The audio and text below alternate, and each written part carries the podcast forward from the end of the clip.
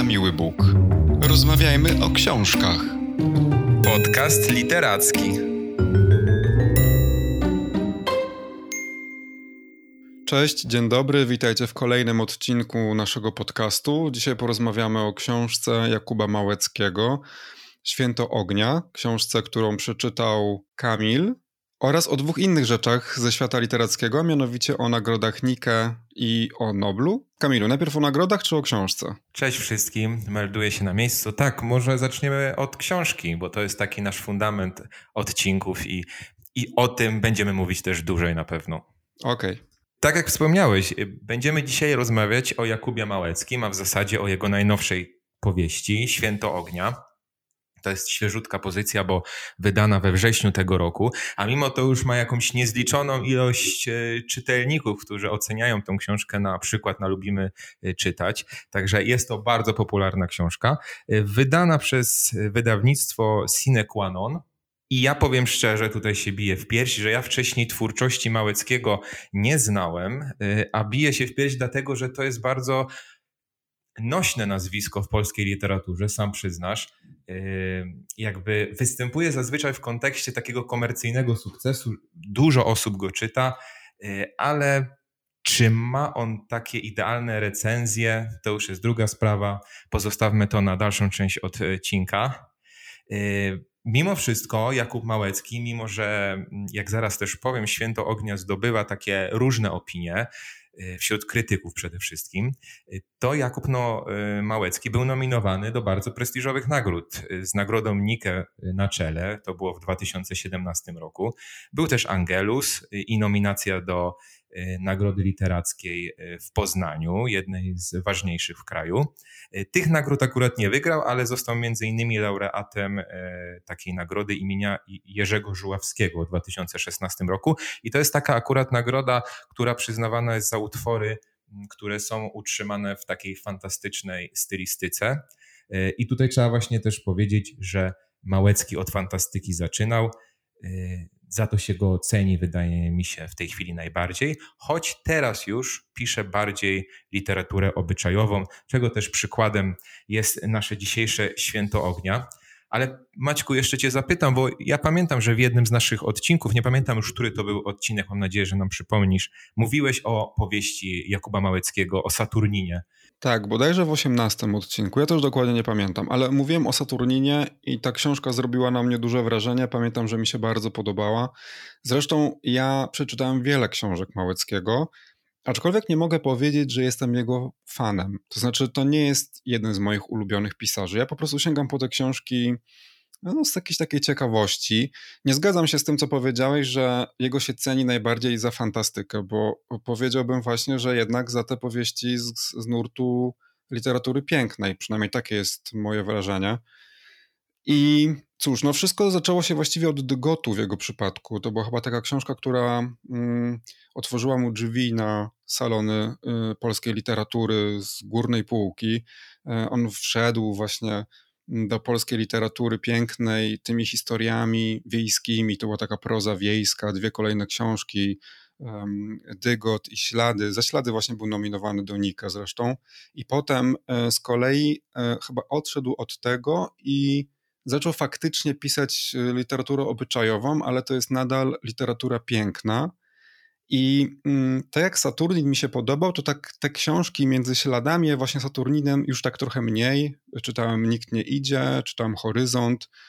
E, I to są takie historie, z którymi nie wiem właśnie jak jest w Święcie Ognia, bo ja tego nie czytałem, więc powiem, co myślę o tamtych starych książkach i powiesz mi, czy tak e, jest w tej, w tej powieści, o której rozmawiamy dzisiaj, bo ja mam taki problem z tym, że to są bardzo zwykłe opowieści, które jednocześnie mają w sobie coś, co sprawia, że powstaje tak zwany opad szczęki, jak ja to powiedziałem przy Saturninie. Pamiętam to, to wyrażenie kolokwialne. Wiesz, że one po prostu mają ogromną siłę rażenia. I teraz tak, z jednej strony potrzeba niezwykłego talentu tak naprawdę, aby opisywać taką zwykłą codzienność w sposób, który naprawdę mm, zrobi na tobie wrażenie. No bo umówmy się, o wiele łatwiej jest pisać książki z fajerwerkami czy to będzie proza gatunkowa, e, czy na przykład e, jakieś wymyślone światy. Mm, a bardzo trudno chyba jest tak naprawdę opisać kogoś, kto mieszka obok nas, e, dwa piętra niżej i ma w sobie coś, nie wiem, jakąś jedną interesującą rzecz, która sprawia, że z tej rzeczy wyrasta jakaś fascynująca historia. I właśnie mam wrażenie, że Małecki to robi. On pisze bez um, fajerwerków, zresztą sam w wywiadach do tego się przyznaje. On mówi, że on doskonale wie, jak napisać powieść, jak ją podkręcić, tak żeby ona faktycznie była super atrakcyjna y, czytelniczo, ale on z własnego wyboru nie chce tego robić.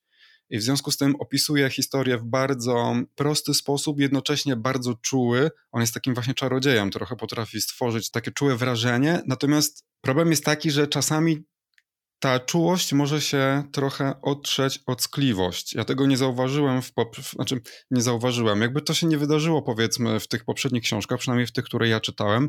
Natomiast wiem, że krytyka trochę teraz um, ma mu za złe, że właśnie osunął się w te, w te tereny ckliwości. Jak to wygląda? Jak ty to oceniasz? No chyba się właśnie osunął w tą ckliwość y, w święcie ognia. Natomiast też nie chcę jakby tak ostatecznie tego oceniać, bo to jest też kwestia jakby indywidualnych doświadczeń czytelnika i preferencji, więc y, dla mnie tam trochę ckliwości i trochę banalności było, natomiast nie mogę powiedzieć, że ta książka nie ma mocnych, y, nie ma mocnych y, momentów, bo ma i rzeczywiście, tak jak wspominasz, jest to prosta historia. Powiedziałbym historia po sąsiedzku, czyli taka, która może wydarzyć się e, u twojego sąsiada za drzwiami na przykład.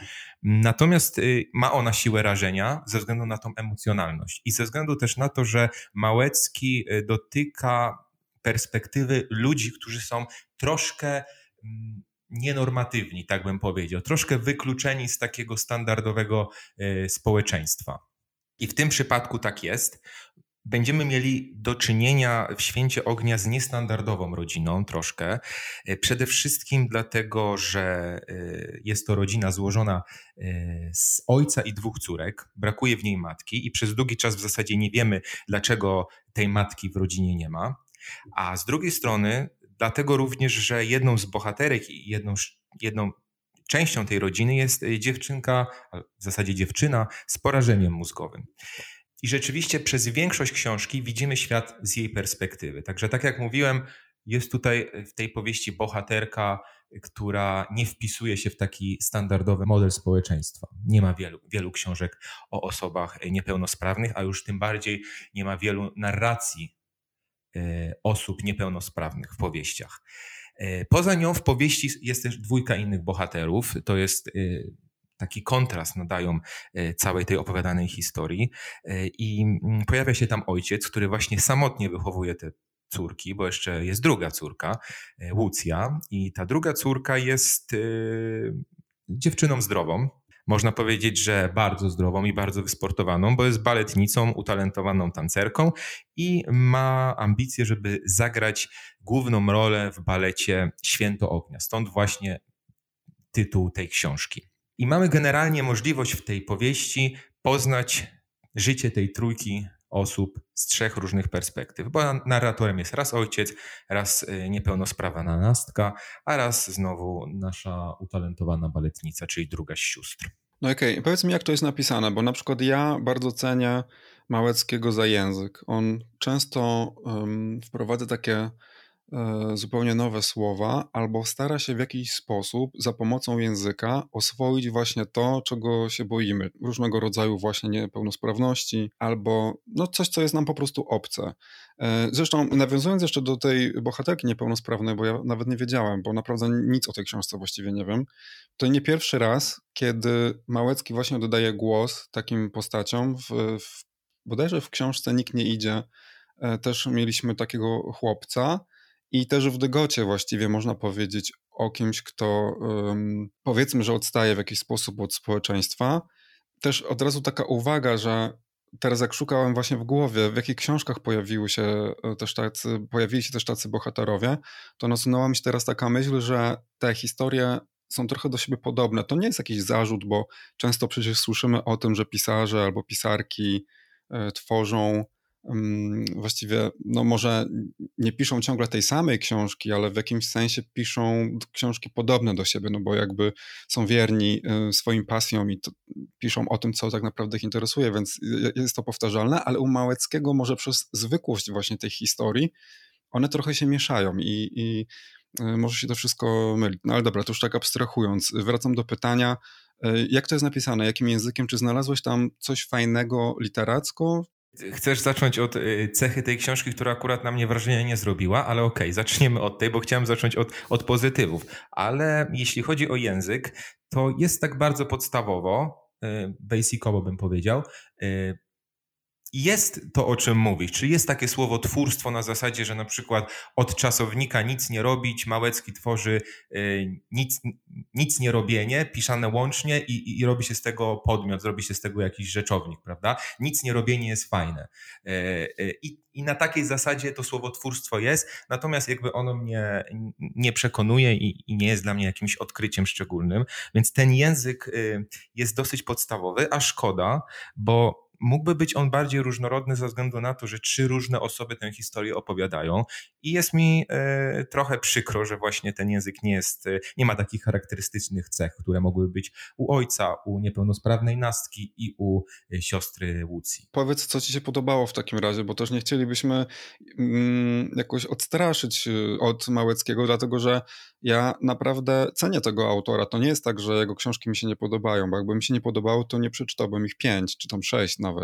Na szczęście tak y, jest, że więcej rzeczy mi się podobało w Święcie Ognia niż nie podobało. Przede wszystkim ja jestem y, pełen uznania dla, dla tego faktu, że Małecki oddaje głos osobie niepełnosprawnej. Tak jak już wspominałem wcześniej. Nie wiem, czy ty jesteś w stanie wymienić książki, gdzie osoba niepełnosprawna y, w historii grała pierwsze skrzypce. Ja pamiętam na przykład Motel i Skafander, po filmie obejrz- przeczytałem książkę e, i tam była taka sytuacja. Była też taka książka Moja lewa stopa o, o, o sparaliżowanym mężczyźnie i to dotyczyło tej problematyki, ale tak naprawdę nie ma wielu książek o, o osobach niepełnosprawnych. E, mhm. I teraz pytanie jest tylko, czy my uwierzymy w tą narrację osoby niepełnosprawnej przedstawioną przez Małeckiego, bo to może budzić kontrowersję właśnie, bo Nastka ta nasza niepełnosprawna bohaterka, jest jakby ekstremalnie entuzjastyczną dziewczyną, mimo właśnie swoich ograniczeń. Y, I tak sobie myślę, że nie każdy jest jednak w stanie uwierzyć w takie, y, no nie wiem, różowe okulary założone na nos dziewczyny, która po pierwsze ani nie może wypowiadać słów poprawnie, nie może sięgnąć po szklankę wody i tak dalej, i tak dalej. I to może trochę zastanawiać. Ale nie wydaje ci się właśnie, że gdyby ona była taką postacią, która jest zamknięta w sobie, nienawidzi świata yy, i właściwie chce popełnić tylko samobójstwo albo myśli o tym, to nie wydawałoby ci się, że to jest niezwykle banalne, że właśnie tak właśnie stereotypowo widzimy osobę niepełnosprawną jako taką, która nie ma prawa do radości? Może właśnie w tym tkwi siła tego, że on pokazuje nam jednak taką bohaterkę, która no, zmaga się z niepełnosprawnością, ale jednocześnie nie odbiera jej prawa do, do, do czerpania radości z życia. Ja generalnie tak właśnie myślę, Maćku, y, i odbieram to pozytywnie. Natomiast y, wiem, że głosy są różne i y, to jest jeden z tych głównych powodów ckliwości zarzucanej tej książce mhm. i też takiego wygładzenia świata które mówi się, że Małecki sobie tutaj zastosował. Ale ten entuzjazm, który jest w nastce, on jest jednak taką cechą bardzo wartościującą y, pewne elementy życia. I ja na przykład y, widzę to przede wszystkim na przykładzie zestawienia dwóch sióstr. One w żaden sposób ze sobą nie, nie, rywalizują, mają względem siebie bardzo dużo dobrych yy, i ciepłych emocji, natomiast mają bardzo różne podejście do życia, bo jedna jest yy, przykuta do wózka, druga jest niezwykle wysportowaną, zdolną fizycznie i tanecznie dziewczyną. I paradoksem jest to, że to właśnie dla tej fizycznie zdrowej dziewczyny ciało jest barierą, że ona nie może przez te ograniczenia ciała, które potrzebne są jej do rozwoju w balecie, osiągnąć swoich e, celów, przez co jest wiecznie niezadowolona i wiecznie niespełniona. A tymczasem niepełnosprawna nastka jest jakby y, tego ciała w cudzysłowie metaforycznie rzecz biorąc pozbawiona. Ona nie myśli o ciele. Ona już żyje zmysłami, y, obserwuje innych i to robi w niezwykle głęboki sposób. Potrafi jakby oceniać czyjeś reakcje, y, szukać powodów tych reakcji. Fantazjuje na, na temat tego, co może się dziać, co się może przytrafiać ludziom dookoła. Jej zmysły są tak y, wyostrzone i tak y, funkcjonują y, bogato i złożenie, że ona żyje, można powiedzieć, pełniejszym życiem niż jej zdrowa siostra. To jest taki, taki, taki, taki sąd, który wychodzi z tej książki, że tak naprawdę ograniczenia mogą być różne i że tak naprawdę sprawne ciało nie oznacza gwarancji szczęścia, ale to raczej wszyscy wiemy, prawda? Ale tutaj jest to tak kontrastowo pokazane. No a ta spokojna narracja kończy się jakimś, wiesz, mocnym uderzeniem, tak jak właśnie niektóre z książek Małeckiego. Jest jakieś zaskoczenie na koniec? Nie powiedziałbym, że jest zaskoczenie. Jest punkt kulminacyjny na końcu, związany bardziej z siostrą niż e, z główną bohaterką, niepełnosprawną Nastką. E, natomiast jest on dosyć przewidywalny. Nie chcę tutaj wchodzić w szczegóły, więc tylko powiem tyle. Ale jeszcze zwrócę uwagę na jedną e, rzecz, która w Małeckim mi się podoba. To też wynika z tego, że przeczytałem i wysłuchałem e, wielu wywiadów z nim i jakby jest, jawi mi się on jako taka osoba, która dba o research i tworzy te swoje światy literackie na jakichś takich e, podstawach solidnych i Wydaje mi się, że przez to jestem w stanie bardziej mu zaufać w kwestii tworzenia tej postaci niepełnosprawnej dziewczyny. Bo, bo teraz y, do czytelnika należy stwierdzenie, czy, czy entuzjastyczna osoba niepełnosprawna y, może wystąpić w takim wymiarze, czy, czy to jest już ckliwe i wygładzone.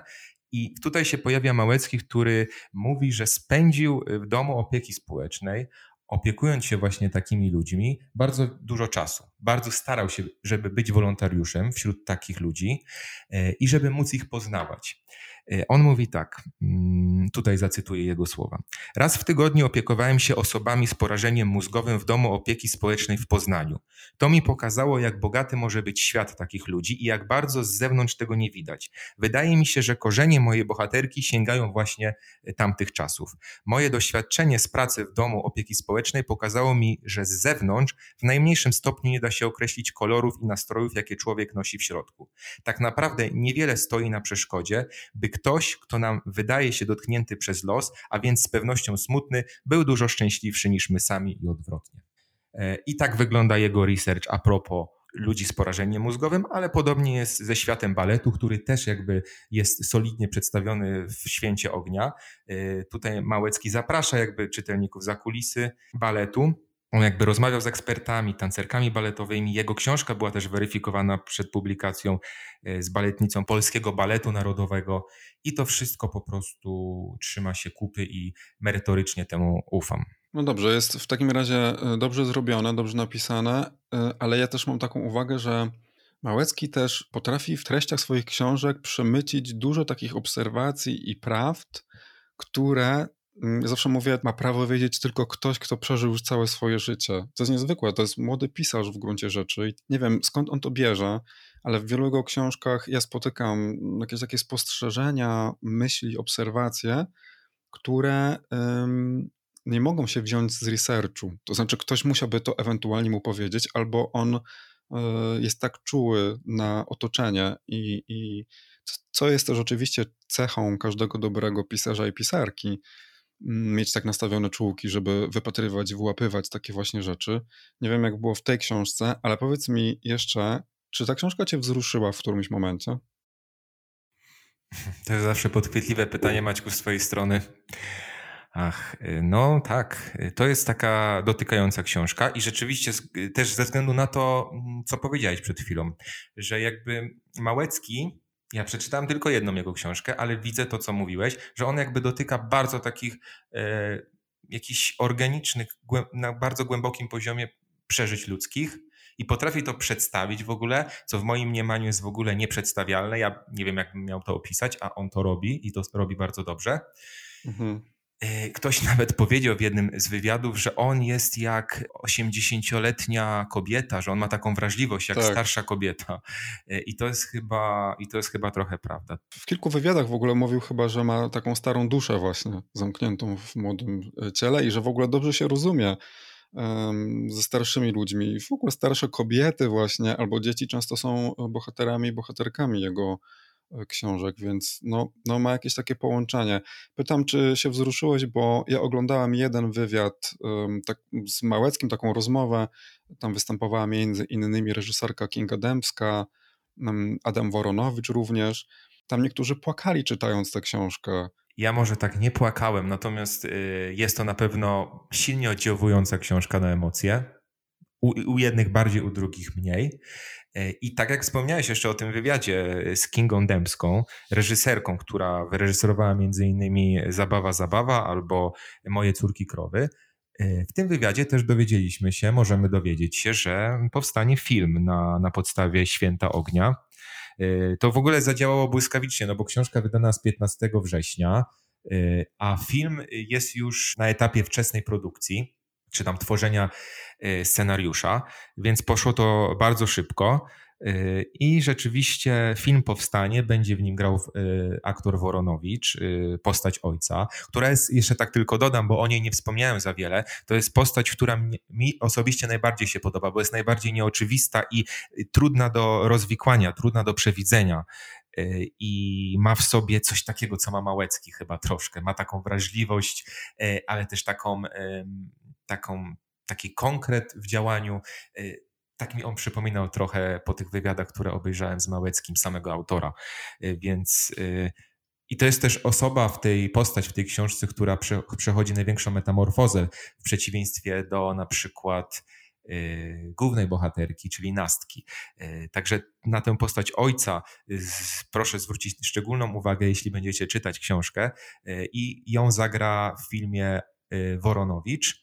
E, a film stworzy wytwórnia Opus Film, która stoi innymi za Zimną Wojną czy Oscarową Idą, więc możemy się spodziewać dobrej jakości filmu raczej. Ja się bardzo cieszę i gratuluję autorowi. Uważam, że, że jego historie zasługują na, na ekranizację, bo to są takie właśnie historie bardzo jednostkowe, bardzo blisko bohatera.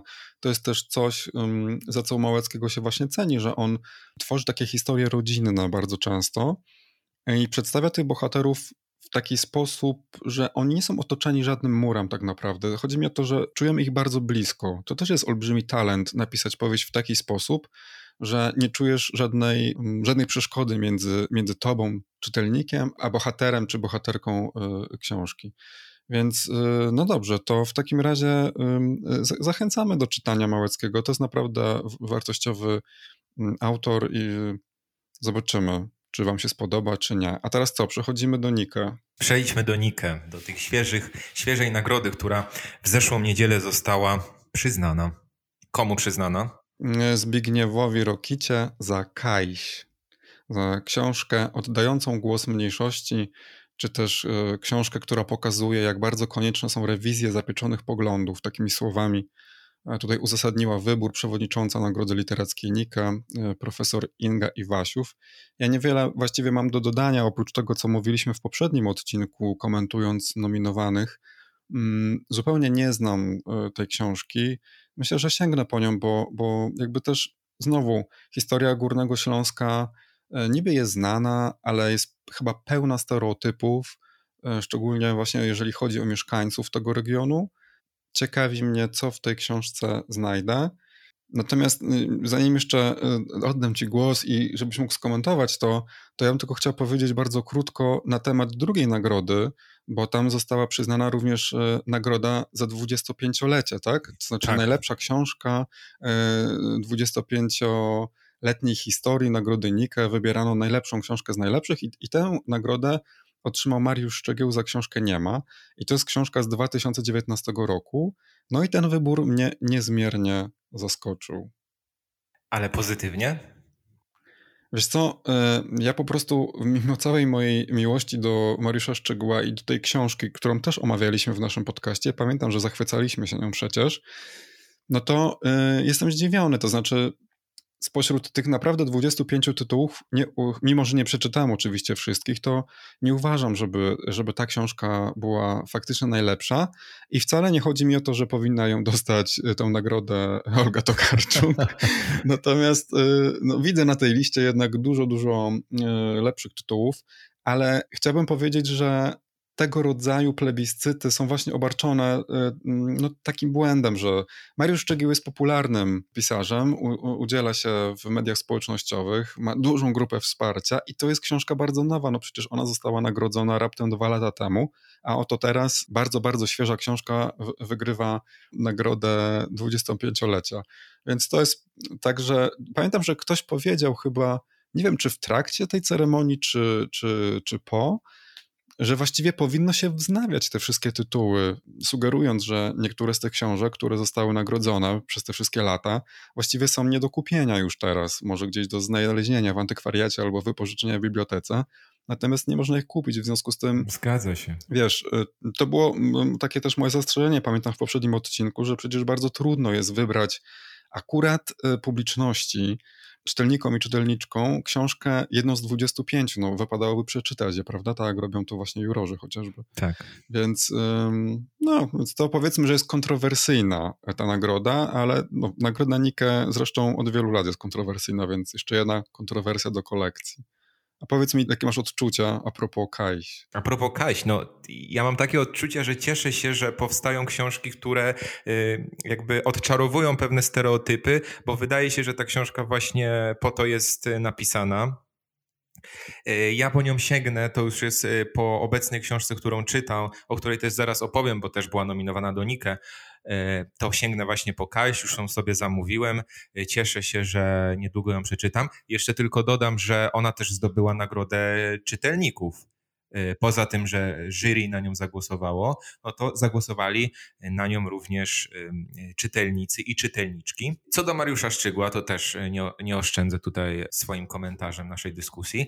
Mariusz Szczygieł nie pojawił się na gali, nie odebrał osobiście tej przecież no, niesamowicie ważnej nagrody. 25 lat polskiej literatury y, i to jest ten wybór. E, i nie ma go na gali, to jest zaskakujące. No może nie wierzył, że dostanie. I chyba nie wierzył i to jest chyba najlepszy komentarz dla, całej, dla całego tego werdyktu, no bo wygrać jednak z Różewiczem, Pilchem czy Olgą Tokarczuk, no to jest y, zaskakujące. Y, mówiąc mówiąc y, delikatnie. Ja chciałem jeszcze tylko zwrócić uwagę na y, jedną z nominowanych książek do Nike w tym roku, y, Grzegorza Piątka. To jest w ogóle moje odkrycie literackie. On jest architektem, krytykiem architektury, no i pisarzem również i napisał taką książkę Najlepsze miasto świata, którą obecnie czytam. To jest gruba książka 500 stron o tym, jak Warszawa jest odbudowywana po wojnie. Tam jest taki rodzaj wzruszenia, który właśnie jest dla mnie zaprzeczeniem ckliwości. Bo tam jest mowa o mieście, które było totalnie zniszczone po wojnie. To była y, jedna wielka góra gruzów. I w takiej sytuacji ludzie z różnych stron politycznych, Polacy, architekci, urbaniści, planiści, y, którzy albo byli komunistami, albo sympatyzowali z drugą opcją polityczną po przeciwnej barykadzie, potrafili współpracować razem i stworzyć plan odbudowy miasta i potem go odbudować. E, to jest, są bardzo długie lata pracy i współpracy. E, I dla mnie właśnie to jest bardzo pokrzepiająca opowieść o celach, o wartościach, e, których dzisiaj jakby w polskiej polityce nie widać. Dlatego jest to dla mnie wzruszające, bo ja odnoszę to do dzisiejszych czasów, że kiedyś można było i to w dużo cięższej sytuacji, a teraz tego w ogóle nie ma i, i jesteśmy na jakimś takim rozdrożu, gdzie, gdzie ludzie z dwóch różnych stron nie potrafią ze sobą rozmawiać. Grzegorz Piątek, najlepsze miasto świata. Więcej już o tym mówić, o tej książce mówić dzisiaj nie będę. Może w którymś z odcinków podcastu o niej opowiem, ale bardzo zachęcam. Świetnie Grzegorz Piątek pisze o historii w sposób y, pasjonujący, nienudny. Przez 500 stron czyta się jak y, najlepiej wciągającą powieść. No to wspaniale. To teraz jeszcze Nobel. To już chyba bardzo krótko będzie, bo nagrodę otrzymał Abdul Razak Gurna. Brawo. Pisarz, którego książek nie ma w języku polskim, dlatego mówię, że krótko. Ale z tego, co się zdążyłem dowiedzieć, y, to jest pisarz urodzony na Zanzibarze, y, który z kolei teraz już mieszka w Wielkiej Brytanii, właściwie teraz, no już bodajże od 50 lat, mm, i pisze w języku angielskim. Ale ma korzenie afrykańskie, Czytałem artykuł w Gazecie Wyborczej, w którym między innymi Małgorzata Scheinert się wypowiadała, bo ona z kolei napisała w 2012 roku taką książkę Dom Żółwia Zanzibar, za którą zresztą była nominowana właśnie do Nagrody Nika. i mówiła, że Górnach jest znany na Zanzibarze i jest tam uważany za bardzo ważnego autora.